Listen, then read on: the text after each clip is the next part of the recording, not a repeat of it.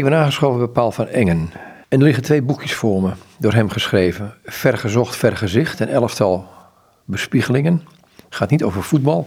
En 49 hoopgevende woorden. En ik ga met hem praten over een aantal boeken die voor ons liggen. Die uit zijn boekenkast komen, laat ik het zo zeggen. Maar Paul, allereerst het Emmausgangers. Um, want daar ligt een prachtig, ja moet je dat noemen, een, een, je bent erin aan het studeren. Het, pak je altijd. Er ligt een boek van T.S. Eliot, waar ook een deel over de Emmausgangers gaat. Ja. Uh, de, de, de, Wasteland, het, het barre land. Waar zullen we beginnen? Gewoon eens vertellen we die Emmausgangers uh, in de Bijbel, waar gaat het over? Ja. De Emmausgangers, dat was het thema van mijn laatste les die ik gegeven heb. Openbare les als docent management bij de Hogeschool Arnhem Nijmegen. Mhm.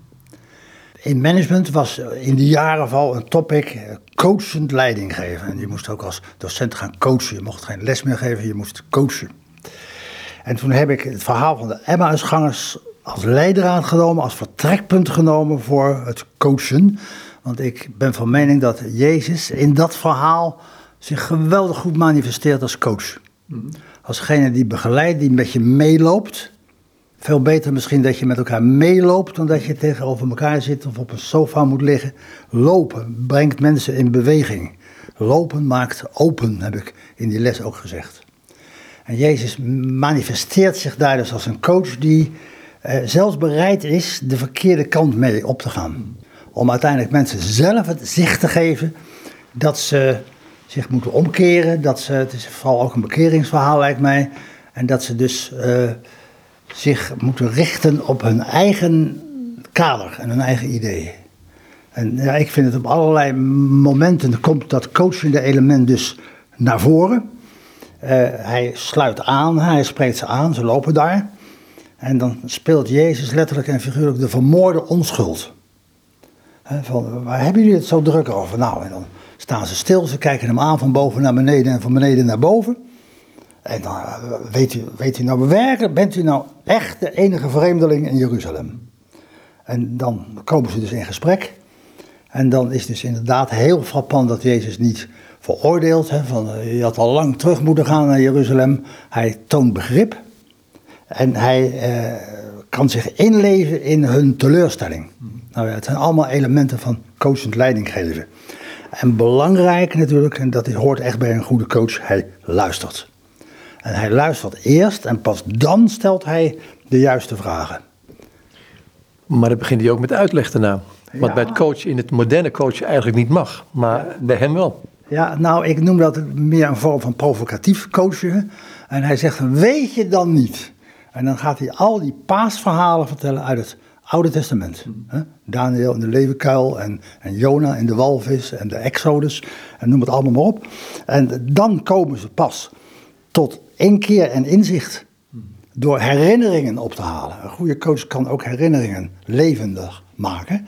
En dat gebeurt dan ook. En nou, dan zie je dus aan het eind verhaal dat ze zich uh, helemaal geïnspireerd voelen. Hè, van hoe brandde ons hart in ons. Uh, en dan zegt Jezus, nou, dank u wel, het was een aangename wandeling. Ik ga verder. En dat hoort ook typisch bij het coachen. Hij wil zeker weten dat de leerlingen gemotiveerd zijn om met hem door te gaan. Dan, je kent de afloop van het verhaal, dan vragen ze, dan dringen ze bij hem op aan dat hij zal blijven. En hij moet een maaltijd ook met hen uh, delen en vieren. En dat vind ik ook heel mooi in dat verhaal. Dan wordt de gast, wordt gastheer. Hij neemt het initiatief en dan is hij inderdaad geen coach meer. En dan is hij leidend. En dan breekt hij het brood, daar is het brood voor bedoeld. Om het te delen en om het te breken en om het weg te geven. En op het juiste moment is hij zelf ook weg. Want een coach dan herkennen ze hem. Ja, dan herkennen ze hem. Is het zo moeilijk om hem te herkennen? kennelijk wel voor hem, in die situatie met name. Hè, van, ze hadden hem opgegeven en dan valt het niet mee om iemand dan toch weer te herkennen. Maar aldoende en algaande uh, gebeurt dat toch wel. En dan is natuurlijk, dat staat er ook zo mooi, dan herkennen ze hem aan de manier waarop hij het brood deelt. Waarop hij zichzelf weggeeft. En dat zijn natuurlijk ook momenten bij veel mensen in hun eigen leven dat ze soms ineens, ineens herkennen, ja, zo is het. Daar is hij. Je moet er alleen zo vaak zo lang over doen voor je dit herkent, hè? Ja, soms een leven Want jij bent ook al in de zeventig. Ja, ja, soms een leven lang. En soms zijn het ook momenten en soms ben je het ook ineens weer kwijt. Dat moet je ook eerlijk kunnen erkennen. En soms dan doet het zich ineens weer voor. En denk ik, ja, dat is natuurlijk gewoon waar het om draait. Bij hem, maar ook in, in, in de Bijbel en in, in, in het evangelie. Ik heb hier ook uh, het barreland van T.S. Eliot liggen. En daar staat ook een stukje over in het, in het prachtige gedicht van hem. Um, een stukje over de Emmausgangers. Um, jij schrijft in je boeken. Als je heel beroemd wordt, wordt het hele waardevolle boeken. En anders kun je, niet, kun je niet meer verkopen. Waardevol of waardeloos, we gaan dit afwachten. Mag ik een klein stukje uh, voorlezen? Wat in die laatste les door een uh, collega die Engels doseert uh, is voorgelezen. Prachtig Engels. Ik lees het in alle bescheidenheid in het Nederlands voor. Hè? Hoe is de third? Ja, wie is de derde? Die derde. Wie is die derde persoon die steeds naast je loopt? Als ik tel, lopen enkel jij en ik hier. Maar als ik uitkijk over de witte weg, is er steeds een ander die naast je loopt. En verhuld in een bruine kapmantel, verkapt heb ik erbij geschreven, die meeglijdt met je. Ik weet niet eens of het een man of een vrouw is, dat doet er ook niet toe. Maar wie is dat toch, daar aan die andere zijde? En dat is dus die onbekende bekende, die derde man. Er is ook zo'n prachtig gedichtje, maar ik weet niet waar dat vandaan komt. Waarin in, iemand uh, de voetsporen in het, in het, zand. Ik weet niet of je dat kent. Ja, een bekend verhaal. Hè, dat iemand die loopt een stuk samen met zijn vader. En dan zijn er dus vier voetstappen. En dan gaan ze weer terug. En dan zegt uh, de zoon tegen zijn vader: Waar kan dat? Nu zijn er maar twee voetstappen.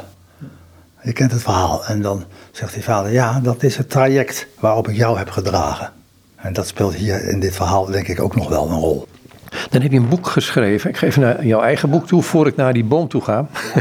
um, 49 hoopgevende woorden. Um, nou ja, ik pak er gewoon het, het eerste uit. Het is um, de hoofdman te Capernaum. Ja. Ik kan ook een ander verhaal pakken waarin diezelfde Kijk maar, een, een, gewoon maar even om de smaak te pakken te krijgen. De smaak te pakken te kijken, kies ik zomaar willekeurig. Wat is willekeurig? Het eerste woord. Mm -hmm. En het eerste woord is het woordje ja. En dat vind ik een heel bijzonder woord. Uh, ik ben. Uh, ik heb... Maar jij bent een type wat graag nee zegt. Er is een bundel geschreven door Stef Bos, de bekende zanger en dichter. Die heeft een bundel geschreven, ik zou het zo nog kunnen pakken uit de kast ook. En dat boek heet Ja. Mm -hmm. En het eerste woord uit die bundel dat wordt behandeld en dat is het woord nee. Nee, aan de liefde komt geen einde. Zo begint dat gedicht. Ik ben buitengewoon ambtenaar van de burgerlijke stand en dat gedicht draag ik vaak voor. Om te laten zien dat je misschien moet beginnen met nee om tot ja te komen. Misschien moet je eerst de boot afhouden om uiteindelijk de waarheid te kunnen vinden, maar dat moet je aftasten. Een bekende Griekse filosoof Socrates die begon altijd te zeggen: wat is het niet? Wat is de nee-kant van deze medaille? Om daarna scherper zicht te krijgen op de ja-kant. En dat ja, dat is een mooi woordje, zoals ik al zei. Het is het kleinste woordje in onze taal. Met één klinker, de A, en één klinkende medeklinker, de J. Samen ja. En dat ja, ja, dat komt uit je hart als het goed is. Dat, is, dat heeft geweldige consequenties. Het is zomaar gezegd ja. Maar ondertussen dan ga je je verbinden aan iemand. Prachtig woord op zich ook. Ik zeg ja. Ja tegen het leven. Ja tegen mijn levenspartner. Ja. En het mooie van ja is ook dat je het op zoveel verschillende manieren kunt uitspreken. Ja. Ja. Ja, ja. En dat is nou een hele mooie, want je moet ja vaker herhalen. Dus één keer ja is niet genoeg. Ja voor het altaar of ja voor de ambtenaar. Je moet jezelf steeds meer overtuigen, lijkt het wel, hè?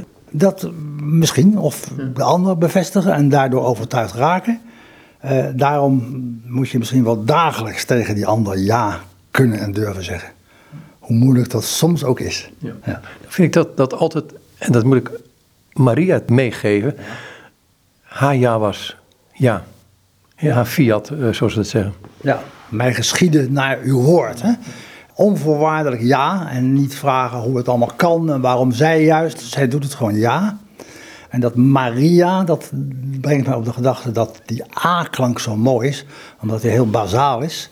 En eh, de A-klank, ja, dat komt overal voor, maar onder andere dus in de naam van Maria. Maar ook bij Jehovah, Yahweh. Hè? Dus die A-klank, dat is, daar begint het mee. Ik heb nog op een school gezeten, jij misschien ook nog, waar we leerden aapnootmies. Ja, met zo'n leesplankje. En ik weet nog goed dat ik die letters op de goede plaats kon ophangen. Een beetje afkijken bij een, een vriendje. En ik dacht, ja, aap. Nou, dat dacht ik toen niet, maar later natuurlijk wel. Daar begint het mee. Hè? Daar stammen we vanaf uiteindelijk. En dat is evolutie. Nou, ik hoop het niet.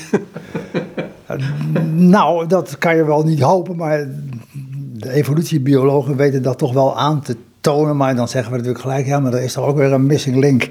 Ik vind het Ja, alleen maar, denk ik. alleen maar, nou, het, eh, Laten we dat ophouden. Ik bedoel, dit wordt een eindeloze discussie. het, blijft open, het blijft open. Maar die A-klank is, is eh, ontzettend mooi. Het, begint eigenlijk overal. Papa, mama, kinderen beginnen allemaal met die A-klank. Het is een heel bijzonder, eh, bijzonder woord. Ja. En mag ik naar een ander stuk gaan? Dat heet in bladzijde 49, oh nee, 63. Ja. Ehm, geven. ja. Dat vind ik een mooi stuk om dat helemaal gewoon maar te lezen en dan laten we dit.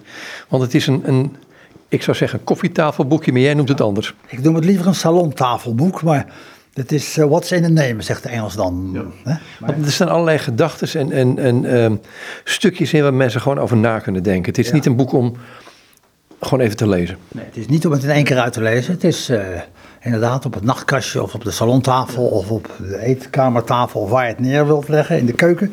Dat je af en toe eens denkt, hé, hey, ik pak eens even een stukje. En jouw oog is nu gevallen op dat geven. Natuurlijk een geweldig mooi woord, omdat het altijd te maken heeft naar mijn opvatting ook met doorgeven. Een van die blokjes, het zijn dus zes blokjes en steeds staat één woord in het midden, dat is weer zeven. De symboliek keert daarin terug. Het geschenk is er ook voor de gever. Dat vind ik een mooie zin, die heb ik van mijn jongste zoon geleerd. Het geschenk is er ook voor de gever. Hè. Je geeft aan de ander van jezelf. Nou, en dan komen we al ja, bij het geven van eh Emma's gangers, zei Jezus, geeft dat brood, hij deelt het uit. En daarmee geeft hij zichzelf. Hè. Geven is natuurlijk veel mooier dan ontvangen. Dat zeiden onze voorouders natuurlijk, het is zaliger te geven dan te ontvangen. Maar dat is denk ik ook zo. Ja, geven heeft iets heel altruïstisch. En dat brengt mij op een boek, nou, dat ligt daar wat verderop, maar je kan het zien. En dat boek heet De Tweede Berg. Dat is van David Brooks. Ja. En het mooie van dat boek, die Tweede Berg, vind ik dat hij niet afrekent met de Eerste Berg. Is- Dan mag je even uitleggen wat de eerste en de tweede Ja. berg zijn, want nu spreek je een raadselen. Nou, valt mee. De, de eerste berg, daar rekent hij me niet bij af, zei ik. Daar eh, wonen mensen die doen zoals jij en ik wellicht ook doen. En daar is ook op zich niets verkeerds mee. Die zijn eh, hardwerkend en die zijn eh, ijverig en die, zijn, die studeren graag en die studeren door en die lezen en die zijn ambitieus. En die eh, ontvangen graag op tijd hun loon. En op die tweede bergen, daar zegt de schrijver dan, nou, de eerste berg is natuurlijk goed op zich, maar het is toch heel vaak wel erg ego-gericht, egocentrisch. En dan zit je op de drempel van narcisme. En dat herken ik bij mezelf ook heel goed, dat die drempel, die heb ik echt aan de goede kant moeten overgaan. En dan zeg je niet egoïsme, maar hè, altruïsme. En dat is natuurlijk, eh, ja, dat, dan zit je op de tweede berg. Maar hoe ga je die drempel aan de goede kant over? Want als je narcistisch bent, of daartoe neigt, Ja. maar als je het bent helemaal, maar als je het toe neigt, dan heb je niet eens het besef dat je met jezelf bezig bent vaak. Totdat je er zo vaak mee geconfronteerd wordt, dat je het toch wel merkt. Ik heb dat natuurlijk in mijn eh, relatie met mijn levensgezellin ook mogen of moeten leren en ervaren. Eh, altijd eh, nummer één willen zijn, altijd gelijk willen hebben, het laatste woord willen hebben, je zin doordrijven. En als je zin niet krijgt, zal gereinig zijn. En vorig jaar is zij heel erg ziek geworden. En dat heeft mijn ogen geopend. Toen dacht ik, ja, ik moet daar eens mee ophouden. En ik moet niet een heerser zijn, maar een dienaar. Dus, maar, maar denk je dan niet, hé, je bent nu 72 geloof ik hè? Ja. Beetje laat. Ja, een beetje laat, maar dan zeg ik maar met dat spreekwoord beter laat dan nooit. En het heeft lang geduurd, dat vindt zij zelf ook, maar het is er toch van gekomen. En uh, ja, wees al even op dit boekje, De Boom en de Vrucht. Ja, de boom, dat is eigenlijk de eerste berg. Daar staat die boom. Hè. Dat is om te beklimmen en, en uh, om in de schaduw te zitten en om uh, trots en representatie. Maar het gaat natuurlijk niet om de boom uiteindelijk. Het gaat vooral, en dat is de tweede berg, op de tweede berg gaat het om de vrucht. Vruchtbaar zijn. Mag ik deze stukje lezen? Heel de boom en alles in de boom, van de wortel tot in de top, is gericht op de vrucht. Zo moet het ook zijn bij de mens. Alles in hem, heel zijn wezen, moet gericht zijn op de vrucht. En die vrucht is liefde. In het leven gaat het niet om succes te hebben, maar veel meer om betekenis. Van betekenis te zijn. Het gaat om vrucht te dragen, vruchtbaar te zijn. Succes ja, daar geniet je zelf van. Succes is een woord van de eerste berg. Maar vruchtbaarheid, ja, die eten anderen op. Die gebruiken anderen. En dat is het mooie van de boom, die eet niet zijn eigen vruchten op. De vrucht is er voor de ander. En dan komen we dus terug weer bij geven. Je geeft de vrucht aan de ander. Terwijl op de eerste berg neem je, je neemt je verantwoordelijkheid, je neemt het initiatief. En in de tweede berg geef je het weg, wat je te bieden hebt. En dat initiatief is trouwens ook weer een mooi woord. Hè? Op de eerste berg is initiatief natuurlijk bemoeizucht. En uh, er gaat niks buiten mij om. Hè? Fear of missing out. En op de tweede berg is initiatief betrokkenheid. En verbindenis en interactie. Dus dat vind ik dan wel weer heel mooie woorden. Ja, je hebt op basis van het boek eh, De Tweede Berg heb je gewoon een aantal dingen tegenover elkaar willen zetten. Ja. Je hebt er een schriftje van, um, een werkschrift, en dan zet je begrippen tegenover elkaar. We hebben het net even over, zitten, even, even over zitten praten. Onder andere begrippen die mij ook wel aanspreken van ambitie, dus ten koste van anderen, en aspiratie. Gewoon het beste willen, maar dan gaat het weer om de anderen. Ja. Ja, aspiratie en in het verlengde daarvan inspiratie. Hè? Mhm. Geïnspireerd worden. En de eerste berg is dan bijvoorbeeld motivatie. Nou, nogmaals, op zich helemaal goed.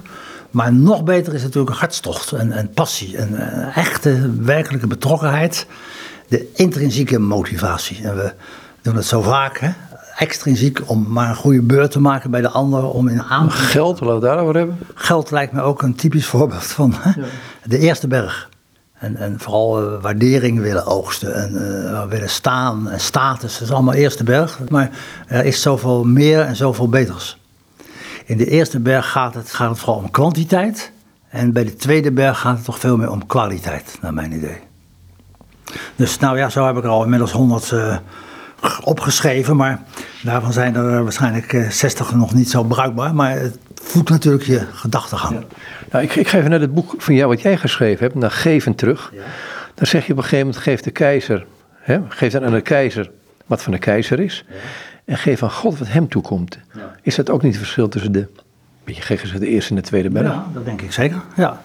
Het is bij de eerste berg gewoon de, de, de formele vragen. Wie heeft recht op? En uh, kan ik daar misschien dan misschien nog uh, dat ontwijken? Met, met allemaal uh, belastingconstructies of wat ook. Maar de tweede berg gaat het niet om rechten, maar om plichten. En om, niet, om, om terug te geven en te geven aan wie het werkelijk toekomt. Maar dan moeten we, dat zeiden we vooraf ook al, hè, wel heel erg naar onszelf kijken en ook erkennen dat de theorie dan vaak wel veel mooier is dan de praktijk. Jezelf verliezen om jezelf te vinden, ook zo'n rare tegenstelling. Ja, ik hou erg van paradoxen. Hè. Die staan ook in het vervolgboekje. En ja, die, die paradoxen, dat, dat, dat is natuurlijk ook mooi. En dat zit ook in het evangelie, dacht ik, ook helemaal ingebakken. Hè. Die zijn leven wil behouden, die zal het verliezen. Maar die het kan verliezen, die zal het behouden. En een leven in een maatschappij die zegt, je moet jezelf realiseren, je moet jezelf zijn. Uh, dat, we leven, het staat er haaks op. We leven in een uh, eerste bergmaatschappij. Hè? Dat heb ik dan in dit boekje vooral ook proberen aan te geven. Mm -hmm. dat vergezocht, vergezicht. we leven nog steeds, maar dat wordt wel wat beter geloof ik, in de tijd van neoliberalisme. Ieder voor zich en God voor ons allen. En dat laatste zelfs ook al niet meer, want dat zijn we helemaal vergeten. Ja, en vooral dat, dat, denken in geld, economie als een soort nieuwe religie. Ja.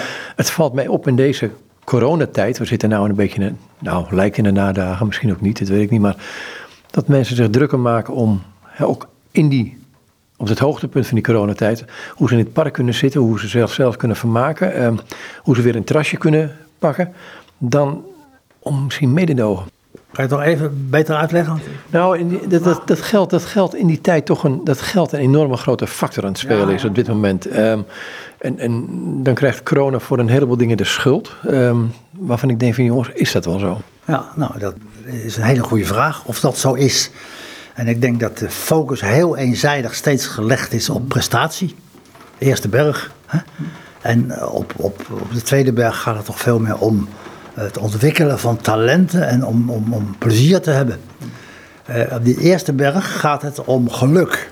Dat heb ik ook vaak gedacht. Hè. Geluk dat is natuurlijk fantastisch. Als je recht op geluk roepen mensen dan. Maar die tweede berg, hè, dat geluk ligt veel te dicht aan tegen het Jiddische mazzel. Hè. Eh, Het gaat niet om geluk, het gaat om welbevinden, maar het gaat vooral ook om vreugde en blijdschap. En dat, dat zijn veel mooiere termen. Hè. Je moet zomaar denken aan eh, Herman Vinkersen. Ik heb jou liever dan geluk. En, en, en een van de teksten uit het nieuwe liedboek. Hè? Eh, Gods liefde is te groot voor het geluk alleen. Ja, dat vind ik dan, daar kan ik dan geweldig van genieten. Ja, waarom? Omdat het zo goed aangeeft wat geluk is en wat, vooral ook wat het niet is. Geluk is dus beperkt. Naar mijn idee. Hè, We zijn als we maar gelukkig zijn en zo. Maar er, er zijn waarden die het geluk nog overtreffen. Wat is het niet en wat zijn die waarden die het overtreffen? Nou, geluk is bijvoorbeeld niet, eh, om maar iets heel plastisch te zeggen, een eh, winnend staatslot. Echt niet? Echt niet, nee. Maar dat, dat, dat doet de tv ons geloven. Ja. En ze zeggen er nooit bij hoe klein de kans is dat je de 100.000 wint. Hè? Maar wat ik een veel gemeenere vind, die, die ik ook op tv gisteren of eergisteren voorbij zag komen, is je kunt dus van zorgverzekeraar veranderen. En 150.000 mensen deden dat al. Daarmee ondermijn je toch de zorg en maakt van zorg een ding.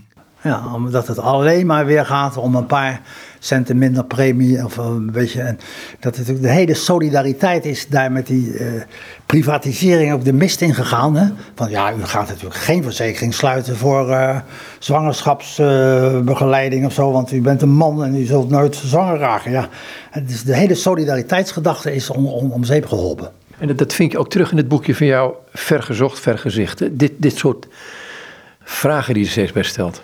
Ja, zeker. En eh, dat vergezocht, ja, dat heb ik een beetje te danken aan mijn vrouw, die dan zegt: Oh, ja, allemaal weer vergezocht. Maar dat vergezocht is nodig om te komen tot het vergezicht. Maar daar moet je ook een antenne voor hebben. En ja, vergezicht is misschien soms ook weer vergezocht. Als je het over visioenen hebt, ja, daar moet je, daar moet je een antenne voor hebben. Ik, ga naar een ander boek toe wat hier ligt. Ehm, het Verstoorde Leven, dagboek van Etty Hillesum. Ehm, dat is wel iets anders dan de tijd waar wij nu in leven. Ehm, ik heb het gewoon willekeurig open laten vallen ergens. ehm, en er staat boven in jouw handschrift de laatste vragen. Ehm, maar, maar toch, dat is iemand die willens en wetens met haar volk meeging. Nou, over solidariteit gesproken, hè, dat was daar natuurlijk de belichaming van. Terwijl zij had kunnen kiezen om zich daaraan te onttrekken. Ze zijn heel vrijwillig meegegaan. Een woord van de tweede berg, maar nou hou ik over, die- over die bergen op. Maar het is, het is natuurlijk wel zo. Solidariteit ten top. Vrijwillig meegegaan en meegeleden. En niet alleen maar een van mijn 49 woorden. Medelijden, maar compassie. Hè? Met je soortgenoten, met je familie. Ik vind dat heel knap. Gewoon dit stukje eens lezen hier, waar je de laatste vragen boven gezet hebt. Lijden is niet beneden de menselijke waardigheid. En dan denk ik, mag ik even in de reden vallen? Als mensen stierven de laatste tijd, dat er geen familie bij mocht zijn, dan denk ik, waar hebben we het over? Ik kan daar heel kwaad om worden. Ik ook. Er zijn vrijheidsbeperkingen opgelegd. Waarbij je echt moet zeggen dat het, het- het middel was veel erger dan de kwaal. Dat wordt nu ook wel wat erkend, geloof ik, maar te laat. Ja, daar heb je ook weer dat idee van we moeten het allemaal on- onder controle houden. Hè? Mensen kunnen niet meer uit handen geven. Hè? Die, kunnen, die kunnen niet loslaten. En, en dan krijg je de hele krampachtige situatie van ja, een verplichting quarantaine en, en eh, geen bezoek meer. En, en men is ontzettend bang, ook voor de dood. Dat schrijft zij dan ook. Mag ik een stukje door? Mag je gewoon, als je het zinnetje weer leest, dan wat, en dan zegt ze wat zij bedoelt. En dat Ja. is misschien handiger om dat Ja. even bij te lezen en niet wat wij nu bedoelen. Ook niet onbelangrijk. Lijden is niet beneden de menselijke waardigheid. Ik bedoel dit, zegt zij dan, men kan menswaardig lijden en onmenswaardig. Nou, daar hebben we het net over gehad. Ik bedoel, de meeste westerlingen verstaan de kunst van het lijden niet. En ze krijgen er duizend angsten voor in de plaats. Dit is geen leven meer. Want de meeste mensen eh, doen het volgende. Angst regeert. Verbittering, haat, wanhoop. Mijn God, het is zo goed te begrijpen allemaal. Maar wanneer hun dit leven ontnomen wordt, dan wordt hun toch niet heel veel ontnomen. En dan komt een belangrijk zinnetje dat ik heb ik onderstreept. Men moet de dood accepteren als bij het leven behorende ook de vreselijkste dood. En dat is natuurlijk wat ik in dat boekje van Vergezicht ook opmerk. Mensen die kunnen niet meer met de dood omgaan. Nee, mij bekroop soms de gedachte, en ik ben blij dat ik geen corona heb gehad, moet ik heel eerlijk zeggen. Um, um, van mag je nog wel sterven? Ja, precies. Dat, dat mag eigenlijk niet. En wij moeten allemaal honderd worden. En, en, uh, en, en, eh, die doktoren ook, die elke overlijden zien ze als een nederlaag, bij wijze van spreken. En uh, je moet ook kunnen berusten dat dit leven een keer ophoudt. En als je dat niet kunt, ja, dan ben je bij elke symptoom ben je van slag. En dan, dan regeert de angst. En dat is natuurlijk nooit goed. Want dit had nu geschreven kunnen worden. Dit is heel actueel, ja. Ik heb in dat boekje van Ver gezocht, ik heb het hier zelf ook bij me liggen, uh, ook een prachtig stukje geschreven van Guillaume van der Graft, hè, de Willem Barnard.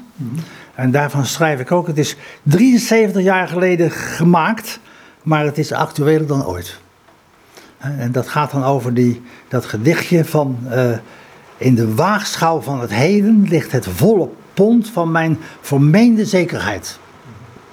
En het enige dat mij scheidt van de val naar beneden, dat is de val naar boven die ik maak in de andere schaal. En dat is de keuze die wij allemaal hebben. Je kunt kiezen voor die val naar beneden, in die ene schaal, of de val naar boven, prachtige paradox, in de andere schaal. Kun je het stukje nog verder lezen van Etty Hillesum? Ja. Dat komt uit het boek, ik zal er even bij zeggen, Het Verstoorde Leven, dagboek van Etty Hillesum 1941-1943. Ja. Ja, daar was ik dan, dit had ik dan gehad. Ehm, en leven wij niet elke dag een heel leven en doet het er veel toe of we enige dagen korter of langer leven? Dat vind ik een hele mooie vraag. Want dat gaat dus weer om kwaliteit of kwantiteit. Hè? Heel veel mensen die, oh, dan nog weer een therapie en nog weer een nieuwe medicatie. Nee, het gaat niet of we een dag langer of korter leven. Ik ben iedere dag in Polen op de slagvelden, zo kan men het noemen. Er dringt zich soms een visioen van gifgroene slagvelden aan mij op. Ik ben bij de hongerenden, bij de mishandelden en bij de stervenden, iedere dag. Maar ik ben ook bij de jasmijn en bij dat stuk hemel achter mijn venster. Een stuk hemel, hè? Dat, is, dat is een van haar teksten. Prachtig. Ja.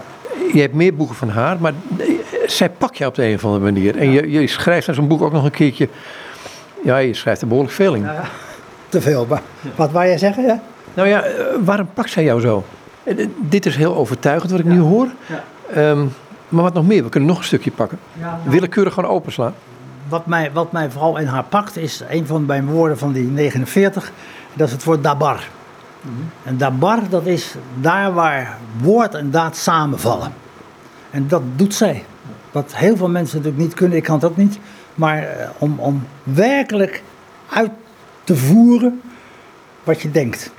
Een gedachte, een woord, een daad. En, en ja, dat vind ik onvoorstelbaar knap. Het is een hele Joodse manier van leven zou dit zijn, hè? Ja, het is ook een mooi Hebreeuws woord, denk ik. Hè? Dabar. Het lied van Feyenoord, hè? geen woorden maar daden. Maar dat is dus niet goed gezegd. Het is, eh, de woorden zijn de daden. Nog een klein stukje dag. Uh, dat gaat dan één bladzij hiervoor. Um, wat op het ogenblik ook nogal actueel is, ook met die corona.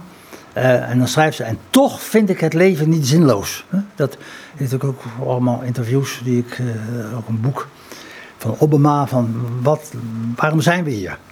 En dan zeggen heel veel mensen, ja, het leven heeft geen zin. Toch, hè, ondanks alle ellende die ze om zich heen ziet, zegt ze, en toch vind ik het leven niet zinloos. God, ik kan er niets aan doen. En God is ons ook geen verantwoording schuldig voor de zinloosheden die wij zelf aanrichten. Ook weer zo'n prachtige zin, hè? die dan een beetje antwoord geeft op de vraag die mensen steeds maar weer bezighoudt. Waarom, waarom heb je dit toegelaten? Maar hij laat het toe omdat hij ons de gelegenheid wil geven hè, om die zinloosheid ook, hè, eh, die we zelf gecreëerd hebben, weer te bestrijden. Het is een heel bijzonder mens, die Etty Hillesum. Ja, nou, absoluut. Ehm, ook er ligt hier nog een boekje van Etty Hillesum, ehm, In Duitsland Zoete Armen. Maar ik ga naar een ander boek ehm, van Dietrich Bonhoeffer, Goede Machten. Eerder had je al een gesprek met eh dokter Frits de Lange. En dat is een Bonhoeffer-kenner. En die heeft mij ook een beetje wel op dat spoor gezet van eh, ja, deze man die ook geweldig zijn tijd vooruit was. Hè? Ook woorden die daden waren. Ja, dat denk ik zeker. En ook een heel eigen visie op de kerk bijvoorbeeld. Hè? Eh, hij eh, voorspelde eigenlijk ook al dat de kerk zoals hij zich toen ook al en nu nog min of meer aan het manifesteren is, dat dat een een station is dat zal gepasseerd zijn. Waar doelt hij op en waar ging hij vanuit eh, in zijn boek? Ja, een sterk geloof. En eh, vooral als ik het zo met de gauwigheid typeer, denk ik toch ook eh, heel veel rechtvaardigheid.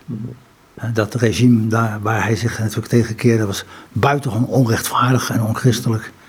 En niet humaan. En, en nou ja, daar heeft hij zich dus tot het laatst toe tegen verzet. Kun je een stukje voorlezen? Eh, zomaar weer een stukje. Een leven kan vol zijn, ondanks veel onvervulde wensen. Vind ik een mooie zin voor de nieuwjaarsdag. Hè? Je hebt heel veel wensen, maar er zullen ook heel veel onvervulde wensen zijn. En dan kan het leven toch heel zinvol zijn. Onvervulde wensen, dat wilde ik je eigenlijk zeggen. Vergeef me dat ik telkens aankom dragen met beschouwingen. Maar ik leef hier sterk beschouwend en je zult het niet verkeerd opvatten. Als noodzakelijke aanvulling op het voorgaande moet ik nog zeggen dat ik sterker dan ooit geloof dat de vervulling van onze wensen ons wacht en dat we geen enkele concessie mogen doen aan moedeloosheid. Ja, dat is ook weer, dan zie ik weer een parallel ook met Etty Hillesum. Ja, goed, dan zie ik hem daar in de gevangenis zitten en dan is hij, zit hij er eigenlijk doorheen.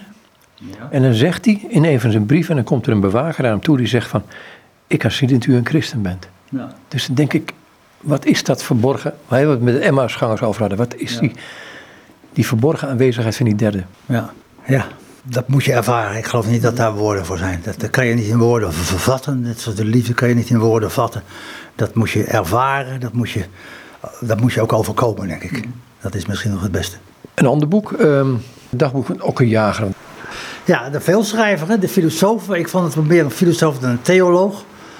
Nou ja, eh, ik sla maar weer wat open dan uit dit boekje. Dat heet dan eh, Daglicht, een Bijbels dagboek van zoveel jaren terug.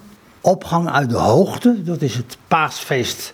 In dat jaar was dat kennelijk op 15 april. En zeer vroeg op de eerste dag van de week gingen zij naar het graf toen de zon opging. Nou ja, en daar heeft hij dan een hele beschouwing van. Hè? Dat Pasen is het opkomen van de zon. En dan kan je natuurlijk weer heel cynisch zeggen, ja, de zon komt niet op. Die wordt hooguit zichtbaar en dan kan je. Ja, maar dan kun je, kun je alle romantiek kun je uit je leven bannen dan. Ja, ja, en dat gebeurt helaas te veel in onze tijd. Ik noemde net Herman Vinkers al even. Ging een vraag van, hebben wij een ziel? En toen zei Herman Vinkers, ja, er zijn mensen die zeggen, dat hebben wij niet, dat is niet te bewijzen. En toen zei hij zo mooi, dan halen we werkelijk de laatste kabouter uit de boom. hè. En dat, daar zijn we natuurlijk geweldig mee bezig om alles wat niet tastbaar is en wat je niet kunt bewijzen en wat je niet kunt tellen. Ook een mooie uitspraak van Okke Jager. Wat je niet kunt tellen, telt niet mee. En dat is natuurlijk eh, ja, in deze tijd heel typerend. Het moet allemaal bewezen worden. De- de- wetenschappelijk aangetoond. En als je dat niet aan kan tonen, je hebt het idee dat het niet klopt. En je bent in tegenspraak met de wetenschap. Nou, erger kan je het haast niet doen. Het is ook een beetje een dooddoener aan het worden. Hè? Van als je het woordje weten, het is wetenschappelijk bewezen, Ja. wat dan ook, dan heet het waar te zijn. Waar ik me afvraag af en toe. Daar vraag ik me ook heel vaak af. En dat blijkt ook vaak niet waar te zijn. Ook hè, in deze tijd. Wetenschappers spreken elkaar tegen. Ja, ik hoorde gisteren iemand zeggen, er zijn geen twee virologen die dezelfde mening hebben. Ja, nou, precies. En er zijn tegelijkertijd ook 17 miljoen virologen hè, met het LOE-diploma. ja, ik vind dat we de wetenschap ook veel meer zouden moeten relativeren. Ik hoorde laatst iemand zeggen, eh, ook over Radio Maria, dat die wetenschappers, dat zijn de moderne fundamentalisten. denk dat er veel in zit. Wetenschappers die kunnen niet meer tegengesproken worden. Het is zo, ze weten precies hoe het zit. Eh, Tot dat is het dan, maar ik heb daar vaak toch ook eh, met twijfels over. Maar ja, dat mag niet, want je mag natuurlijk niet twijfelen. Hè? Dat mag aan het geloof ook niet. Hè? Dan, ja, nou ja, volgens de orthodoxe kringen. En die wetenschappers die... Ja, mysterie, daar hebben ze natuurlijk helemaal niks mee. Maar ze hebben er wel hun eigen axioma's. Dat, dat zijn de, de nieuwe mysteries. Ehm, ik ga naar een ander boek toe. Dat heet Harold Kushner. Als het leven teleurstelt. Ik gooi het open, bladzijde 102. En misschien kunnen we hier vandaag weer een stukje lezen. Want het, het, het- er zijn ontzettend mooie boeken in de wereld. Hè? Ja, ontzettend. Onder andere van deze meneer Harold Kushner. Hè? Je kent het belangrijkste werk van hem als het kwaad goede mensen treft. Dat is ook weer die vraag van waar komt het kwaad vandaan? Waar komt die corona vandaan? Dat treft ook heel veel goede mensen die altijd barmhartig zijn geweest en medelevend. En ja, hoe kan het? En dan kom je natuurlijk niet hier omheen dat het leven op sommige momenten teleurstelt. En hoe ga je daarmee om? En daar geeft hij dan een aantal eh, hele goede handvatten voor. En dan eh, is een van zijn thema's, als ik het goed eh, onthouden heb, dat is de kwetsbaarheid. Waar wij eh, niet zo heel goed mee kunnen omgaan. Ja, je, moet in deze tijd toch sterk zijn. Ja, je moet, dat hoort weer bij deze tijd. Hè. Je moet sterk zijn, je moet eh, flink zijn, je moet eh, tegenslagen incasseren en liefst nog verdringen. En, je moet laten zien wie je bent. Dan krijgen we weer dat hoge ego en status en ik, ik, ik. Maar Terwijl, terwijl je vrouw misschien denkt, ik vind het fijn dat ik je ook een keer zie huilen als man. Dat denk ik ook. En dat gebeurt gelukkig ook. En dat is de kwetsbaarheid die je dan ook mag tonen. En dat mag zij bij mij en ik mag dat ook bij haar. Ja, wat hij denk ik steeds weer eh, naar voren brengt. Hè? Eh, de angst voor het verlies. Hè? Daar zijn we ook zo bang voor. De verliesaversie. Angst voor het verlies. En vooral bang zijn hè, dat je kwijtraakt wat je al hebt. Heb je dan iets? Dan heb je dus angst. En je hebt angst dat je niet krijgt waar je recht op bent te hebben. Maar waar komt die gedachte vandaan dat wij denken dat wij iets hebben? Ja, dat is ons aangepraat, denk ik. hè. Dat, dat, je, dat je het eh, zelf hebt verworven, hebt gekregen. Ik sprak laatst iemand die zei het woord dankbaarheid, dat heb ik uit mijn vocabulaire geschrapt. Ik, ben, eh, ja, ik heb het aan mezelf allemaal te danken. Ik heb hard gewerkt en, dat, en dan zegt Paulus zo mooi, hè, wat hebt gij dat gij niet hebt ontvangen? Nou, met doorpraten, het was een, een trouwlustig stel. Ze zeiden, nou, dankbaarheid, dat moeten we niet hebben. Maar erkentelijk, ja, we zijn bevoorrecht. Toen heb ik gevraagd, wat is het tegenovergestelde van bevoorrecht? En toen zeiden ze benadeeld, maar dat was niet het goede antwoord. Het tegenovergestelde van bevoorrecht is vanzelfsprekend. En eh, in deze cultuur hè, wordt alles maar als vanzelfsprekend aangenomen. Recht op geluk, weg met de pech. Hè. We hebben recht op voorspoed, eh, we hebben recht op een vaccin, et cetera. hè. We voelen ons tekort gedaan als we op het moment in de spiegel moeten kijken en we zien een kwetsbaar persoon. Stukje het boek. Stukje uit het boek. Eh, dus ik, was, ik had al een klein beetje was ik begonnen. Hè. Eh, al heeft dan door de hoop iets te krijgen wat nu nog ontbreekt. Dat had ik gelezen. Anderen begrepen intuïtief dat de positie die hen werd voorgespiegeld erg aantrekkelijk was, maar niet voor hen. Ze zouden iemand anders moeten worden om zich daarin te schikken. Nou ja, en dat vereist ook weer een omkering, een, een perspectiefwisseling. Aan het begin van de dienst op Yom Kippur, de grote verzoendag, dit is een Joodse rabbi, bidt de gemeente om vergeving voor ons allen en voor de vreemdeling. De vreemdeling in ons midden. Dit verwijst oorspronkelijk, dat gedeelte uit Leviticus, dat verwijst oorspronkelijk naar iedere bezoeker die zich voor deze dienst bij de gemeente aansluit. Maar een commentator geeft een diepere betekenis aan deze zin. Hij stelt dat ieder van ons een vreemdeling heeft, een vreemdeling in ons midden, een onecht zelf dat blijft proberen ons over te halen dingen te doen die niet echt de onze zijn. Dat is ook wel heel mooi gezegd, hè?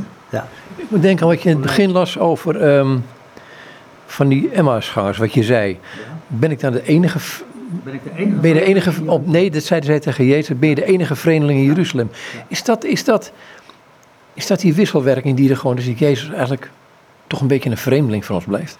Of is, of lijkt te zijn? Aanvankelijk wel op dat moment. hè.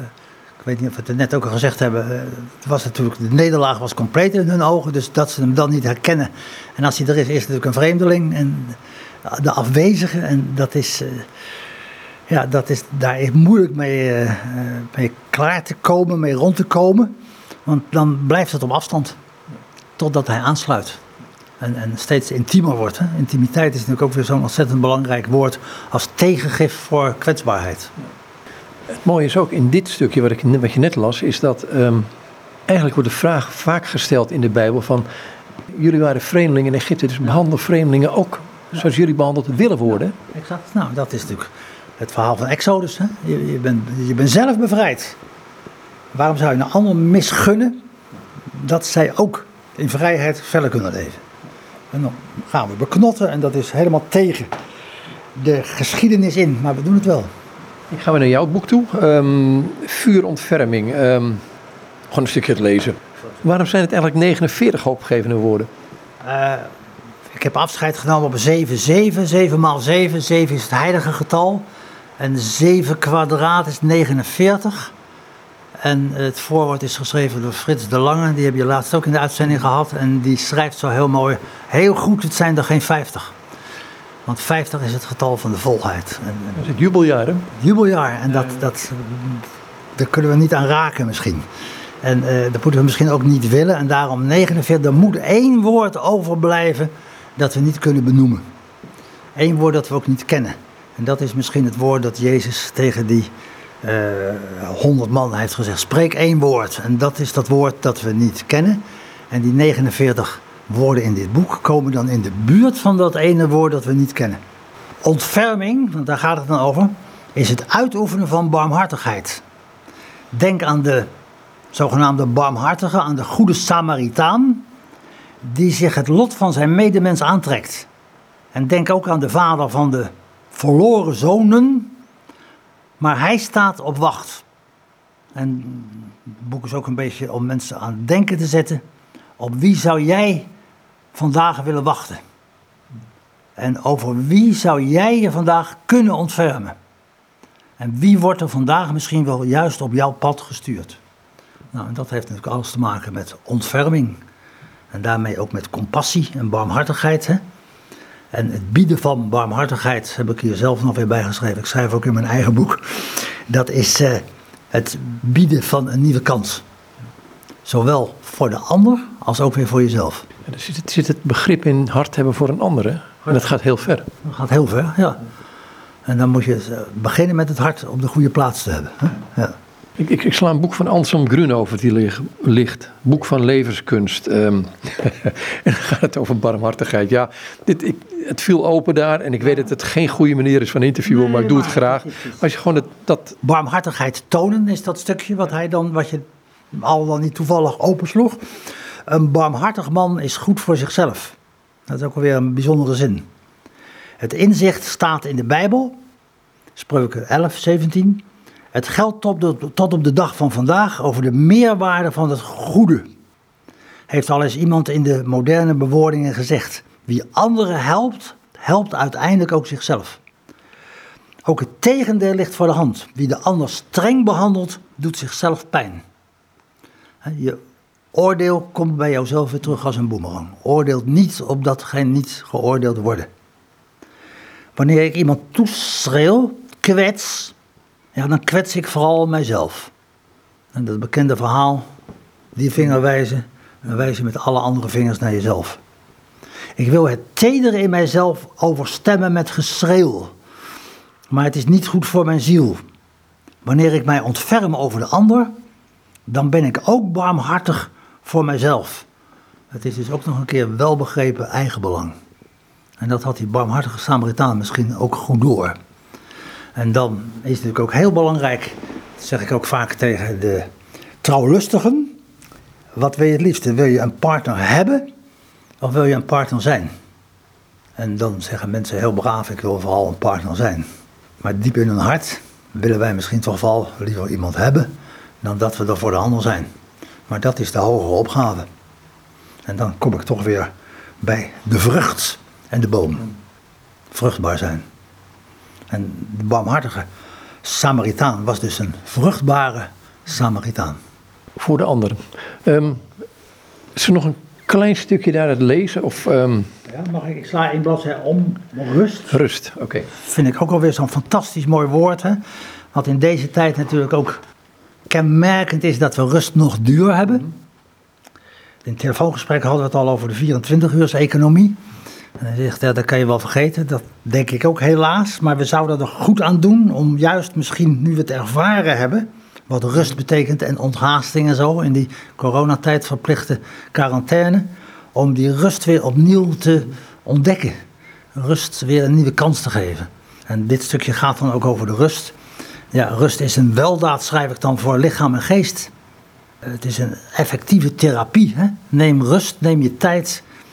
En eh, dat doen wij, denk ik, veel te weinig. Ook in de muziek, een ander blokje wat ik hier dan voorlees even. Daar weet men van rust. Maar die rust hoort bij de muziek. Ik hoor mijn lerares nog zeggen, de rust hoort bij de muziek, dat is in de maat. En dan verwijs ik naar de Sela in de psalmen. Goed om af en toe eens even op verhaal te komen. Rust heeft een functie. En dan weer de bewustwordingsvragen. Hoe kunnen we de onrust in ons leven beperken? Ja, want die zit diep van binnen vaak. Zit diep van binnen. Dat is de onrust en dat is de angst. En die kunnen we dus maar beter niet beperken door allemaal medicijnen te gaan slikken. Maar om de werkelijkheid onder ogen te zien. En je eigen kwetsbaarheid te accepteren. En hoe krijgen we meer gemoedsrust? hè? Want dat is ook mooi natuurlijk. Dat we de gemoedsrust weer vinden en daarmee ook weer de balans vinden. Er staat linksboven staat een uitspraak van Ovidius. Een akker die heeft gerust, schenkt een rijke oogst. Kunstmest, hè? Dan kun je ook, je, kun die akkers kun je, kun, je, kun je doodmesten op het ogenblik. En dan krijg je op den duur de rekening gepresenteerd. Aan te veel gifgas en CO2 en wat het allemaal mogen zijn. En daarom is die oude wijsheid, hè, zo van Ovidius en zo, dat is ja, waar mijn hart naar uitgaat. We zijn vaak toch te eigenwijs. En weer te veel gericht op eh, ja, productiviteit. Met kunstmest gaat het allemaal veel sneller en komen we weer niet toe aan rust. Ik wou nog één keer gaan naar het barre land van T.S. Eliot om daarmee af te sluiten. Kun je dit stukje nog een keer voorlezen? En misschien ook het stukje van die boom om het toch maar even te laten beklijven bij ons, als het tenminste lukt. Ja, we gaan kijken. Eh, wie is toch die derde? Die derde persoon die steeds naast jou loopt. Als ik tel, dan heb je alweer, dat tellen, lopen enkel jij en ik hier. Maar als ik uitkijk over de witte weg, is er steeds een ander die naast jou loopt. Verhuld in een bruine kapmantel meegeleid. Ik weet niet eens of het een man is of een vrouw, dat doet er ook niet toe. Wie is dat toch aan jouw andere zijde? Die niet te herkennen aanwezig. Dat is het verhaal van Emmaus. Niet herkend aanwezig. Maar ik, ik, ik vraag me toch af, hoe krijg je nou zicht op die derde? Want dat is, ik denk, een van de grote dilemma's van deze tijd. Het lijkt of mensen toch op zoek gaan weer naar zingeving van waarom leef ik? Nou, dat denk ik zeker. En dat is een goede tendens. En ik denk dat het toch begint met je ervoor open te stellen. En als je niet verder komt dan, eh, nou ja, de libellen zal ik nou maar zeggen. Je snapt wel wat ik bedoel. Dan, eh, dan kom je er dus niet. Je moet je dus eh, openstellen en, en dan begint het toch vaak ook, zoals ook in de wetenschap, altijd weer met de vraag naar de verwonderingen. Hoe kan het dat er misschien een derde is die meeloopt die ik niet zie? En, en, en ja, vragen stellen. Je zegt achterin in het boek ehm 49 opgegeven woorden, zeg je van... Het is raadzaam zowel een bijbel in gewone taal als het nieuwe liedboek onder handbereik te hebben. Ja. Dus, dus weten waar je zoekt en niet maar luk raakt. Niet, niet zomaar eh googelen en ze, eh, bewust zelf opzoeken. En zelf, nou ja, onderstrepen zal ik dan maar zeggen. Ja, ja. De boom en de vrucht. De boom en de vrucht. In de herhaling, maar dat is de kracht van de wetenschap ook, de herhaling, de boom en de vrucht. De boom geniet niet van zijn eigen vruchten. Dat is hè, tegen alle narcisme en zo in. Het gaat niet om de boom, het gaat niet om deze boom van een man. Het gaat om de vrucht die ik altijd niet kan voortbrengen. Vruchtbaar kunnen zijn. En eh, zo moet het zijn bij de mens, heb ik net ook al voorgelezen. Alles in hem of in haar, heel zijn wezen moet gericht zijn op de vrucht. En de vrucht is uiteindelijk toch de liefde. En bij die 49 woorden gaat het natuurlijk uiteindelijk ook om de trits, geloof, hoop en liefde. En dan zegt Paulus, ja, de belangrijkste van die drie is de liefde. Dat vind ik nou wel jammer, dan krijg je weer zo'n onderschikking en bovenschikking. Ik zou denken, als je dan al moet kijken naar de belangrijkste, dan zou ik denken naar de hoop. Die staat heel mooi middenin tussen geloof en liefde. En de hoop verbindt geloof en liefde. Het kleine meisje van de hoop, je kent het verhaal misschien. Hè? Waren drie dochters van een echtpaar. En in het midden liep de jongste. En dat was het meisje van de hoop. En die trok die andere meisjes, die veel ouder waren, naar zich toe vooruit. Want de hoop is de stimulerende factor. Als je in Spanje op de luchthaven staat, dan kom je, op een gegeven moment komt er zo'n streep, dan moet je achter blijven staan tot je aan de beurt bent. En op die streep staat het woord, het Spaanse woord esperar. En esperar, dat betekent zowel wachten tot je aan de beurt bent, maar ook hopen dat het goed komt. Dat vind ik mooi. En misschien ook een mooie afsluiting van ons gesprek. Jij zegt het, maar ik vraag nog één ding. Uh, dit boekje, nee, dat wil ik graag even weten van vergezocht, vergezicht. Um, maar ik heb er nog één vraag over. Um, jij noemt erin een echtpaar met hun kind of met hun kinderen wat gebleven is in Afrika en een Afrikaans land, ondanks de lockdown. Ja. En zeggen wij willen niet weg, wij blijven daar. Die steun je daarmee? Ja, de op opbrengst van het boekje dat gaat helemaal zonder kostenaftrek naar mijn neef Joost van Engen in Oeganda. En zij hebben inderdaad de gelegenheid gehad met een laatste veegvlucht hè, nog weer terug te keren naar huis. Ze hebben gezegd, dat doen we niet. Wij zijn trouw aan onze roeping, zo noemen zij dat niet meer. Maar zij zijn trouw aan hun missie, aan hun drive. En dat is, vind ik bewonderenswaardig. En ze zijn, wat, wat voor werk doen ze daar? Zij uh, ze hebben, geven leiding aan de Healthy Entrepreneurs. Dat is een organisatie die dus plaatselijke ondernemers ondersteunt. In dit geval gaat het om mobiele drogisterijen. Dus ik stel me voor dat ze scooters of brommers hebben met tassen. En uh, mensen gaan dan op kosten van de organisatie de plattelandsgebieden in. En gaan in allerlei buurtschappen en uithoeken gaan ze dus uh, medicatie uitdelen. Dan laat ik het hier echt bij. Hey, dankjewel. Heel graag gedaan, dankjewel. En dit is Paul van Engen. Uh, hij is schrijver van een tweetal werkjes. Um, vergezocht, vergezicht, een elftal bespiegelingen en 49 hoopgevende woorden. Uitgegeven bij Ga Creatief in Meppel. Als u googelt vindt u het geheid. En met hem was ik in gesprek over een aantal um, boeken uit zijn boekenkast. Um, zijn visie op het leven, hoe hij in het leven staat. Als 72-jarige om het zo maar te zeggen. Goed, tot zover dit gesprek met Paul van Engen.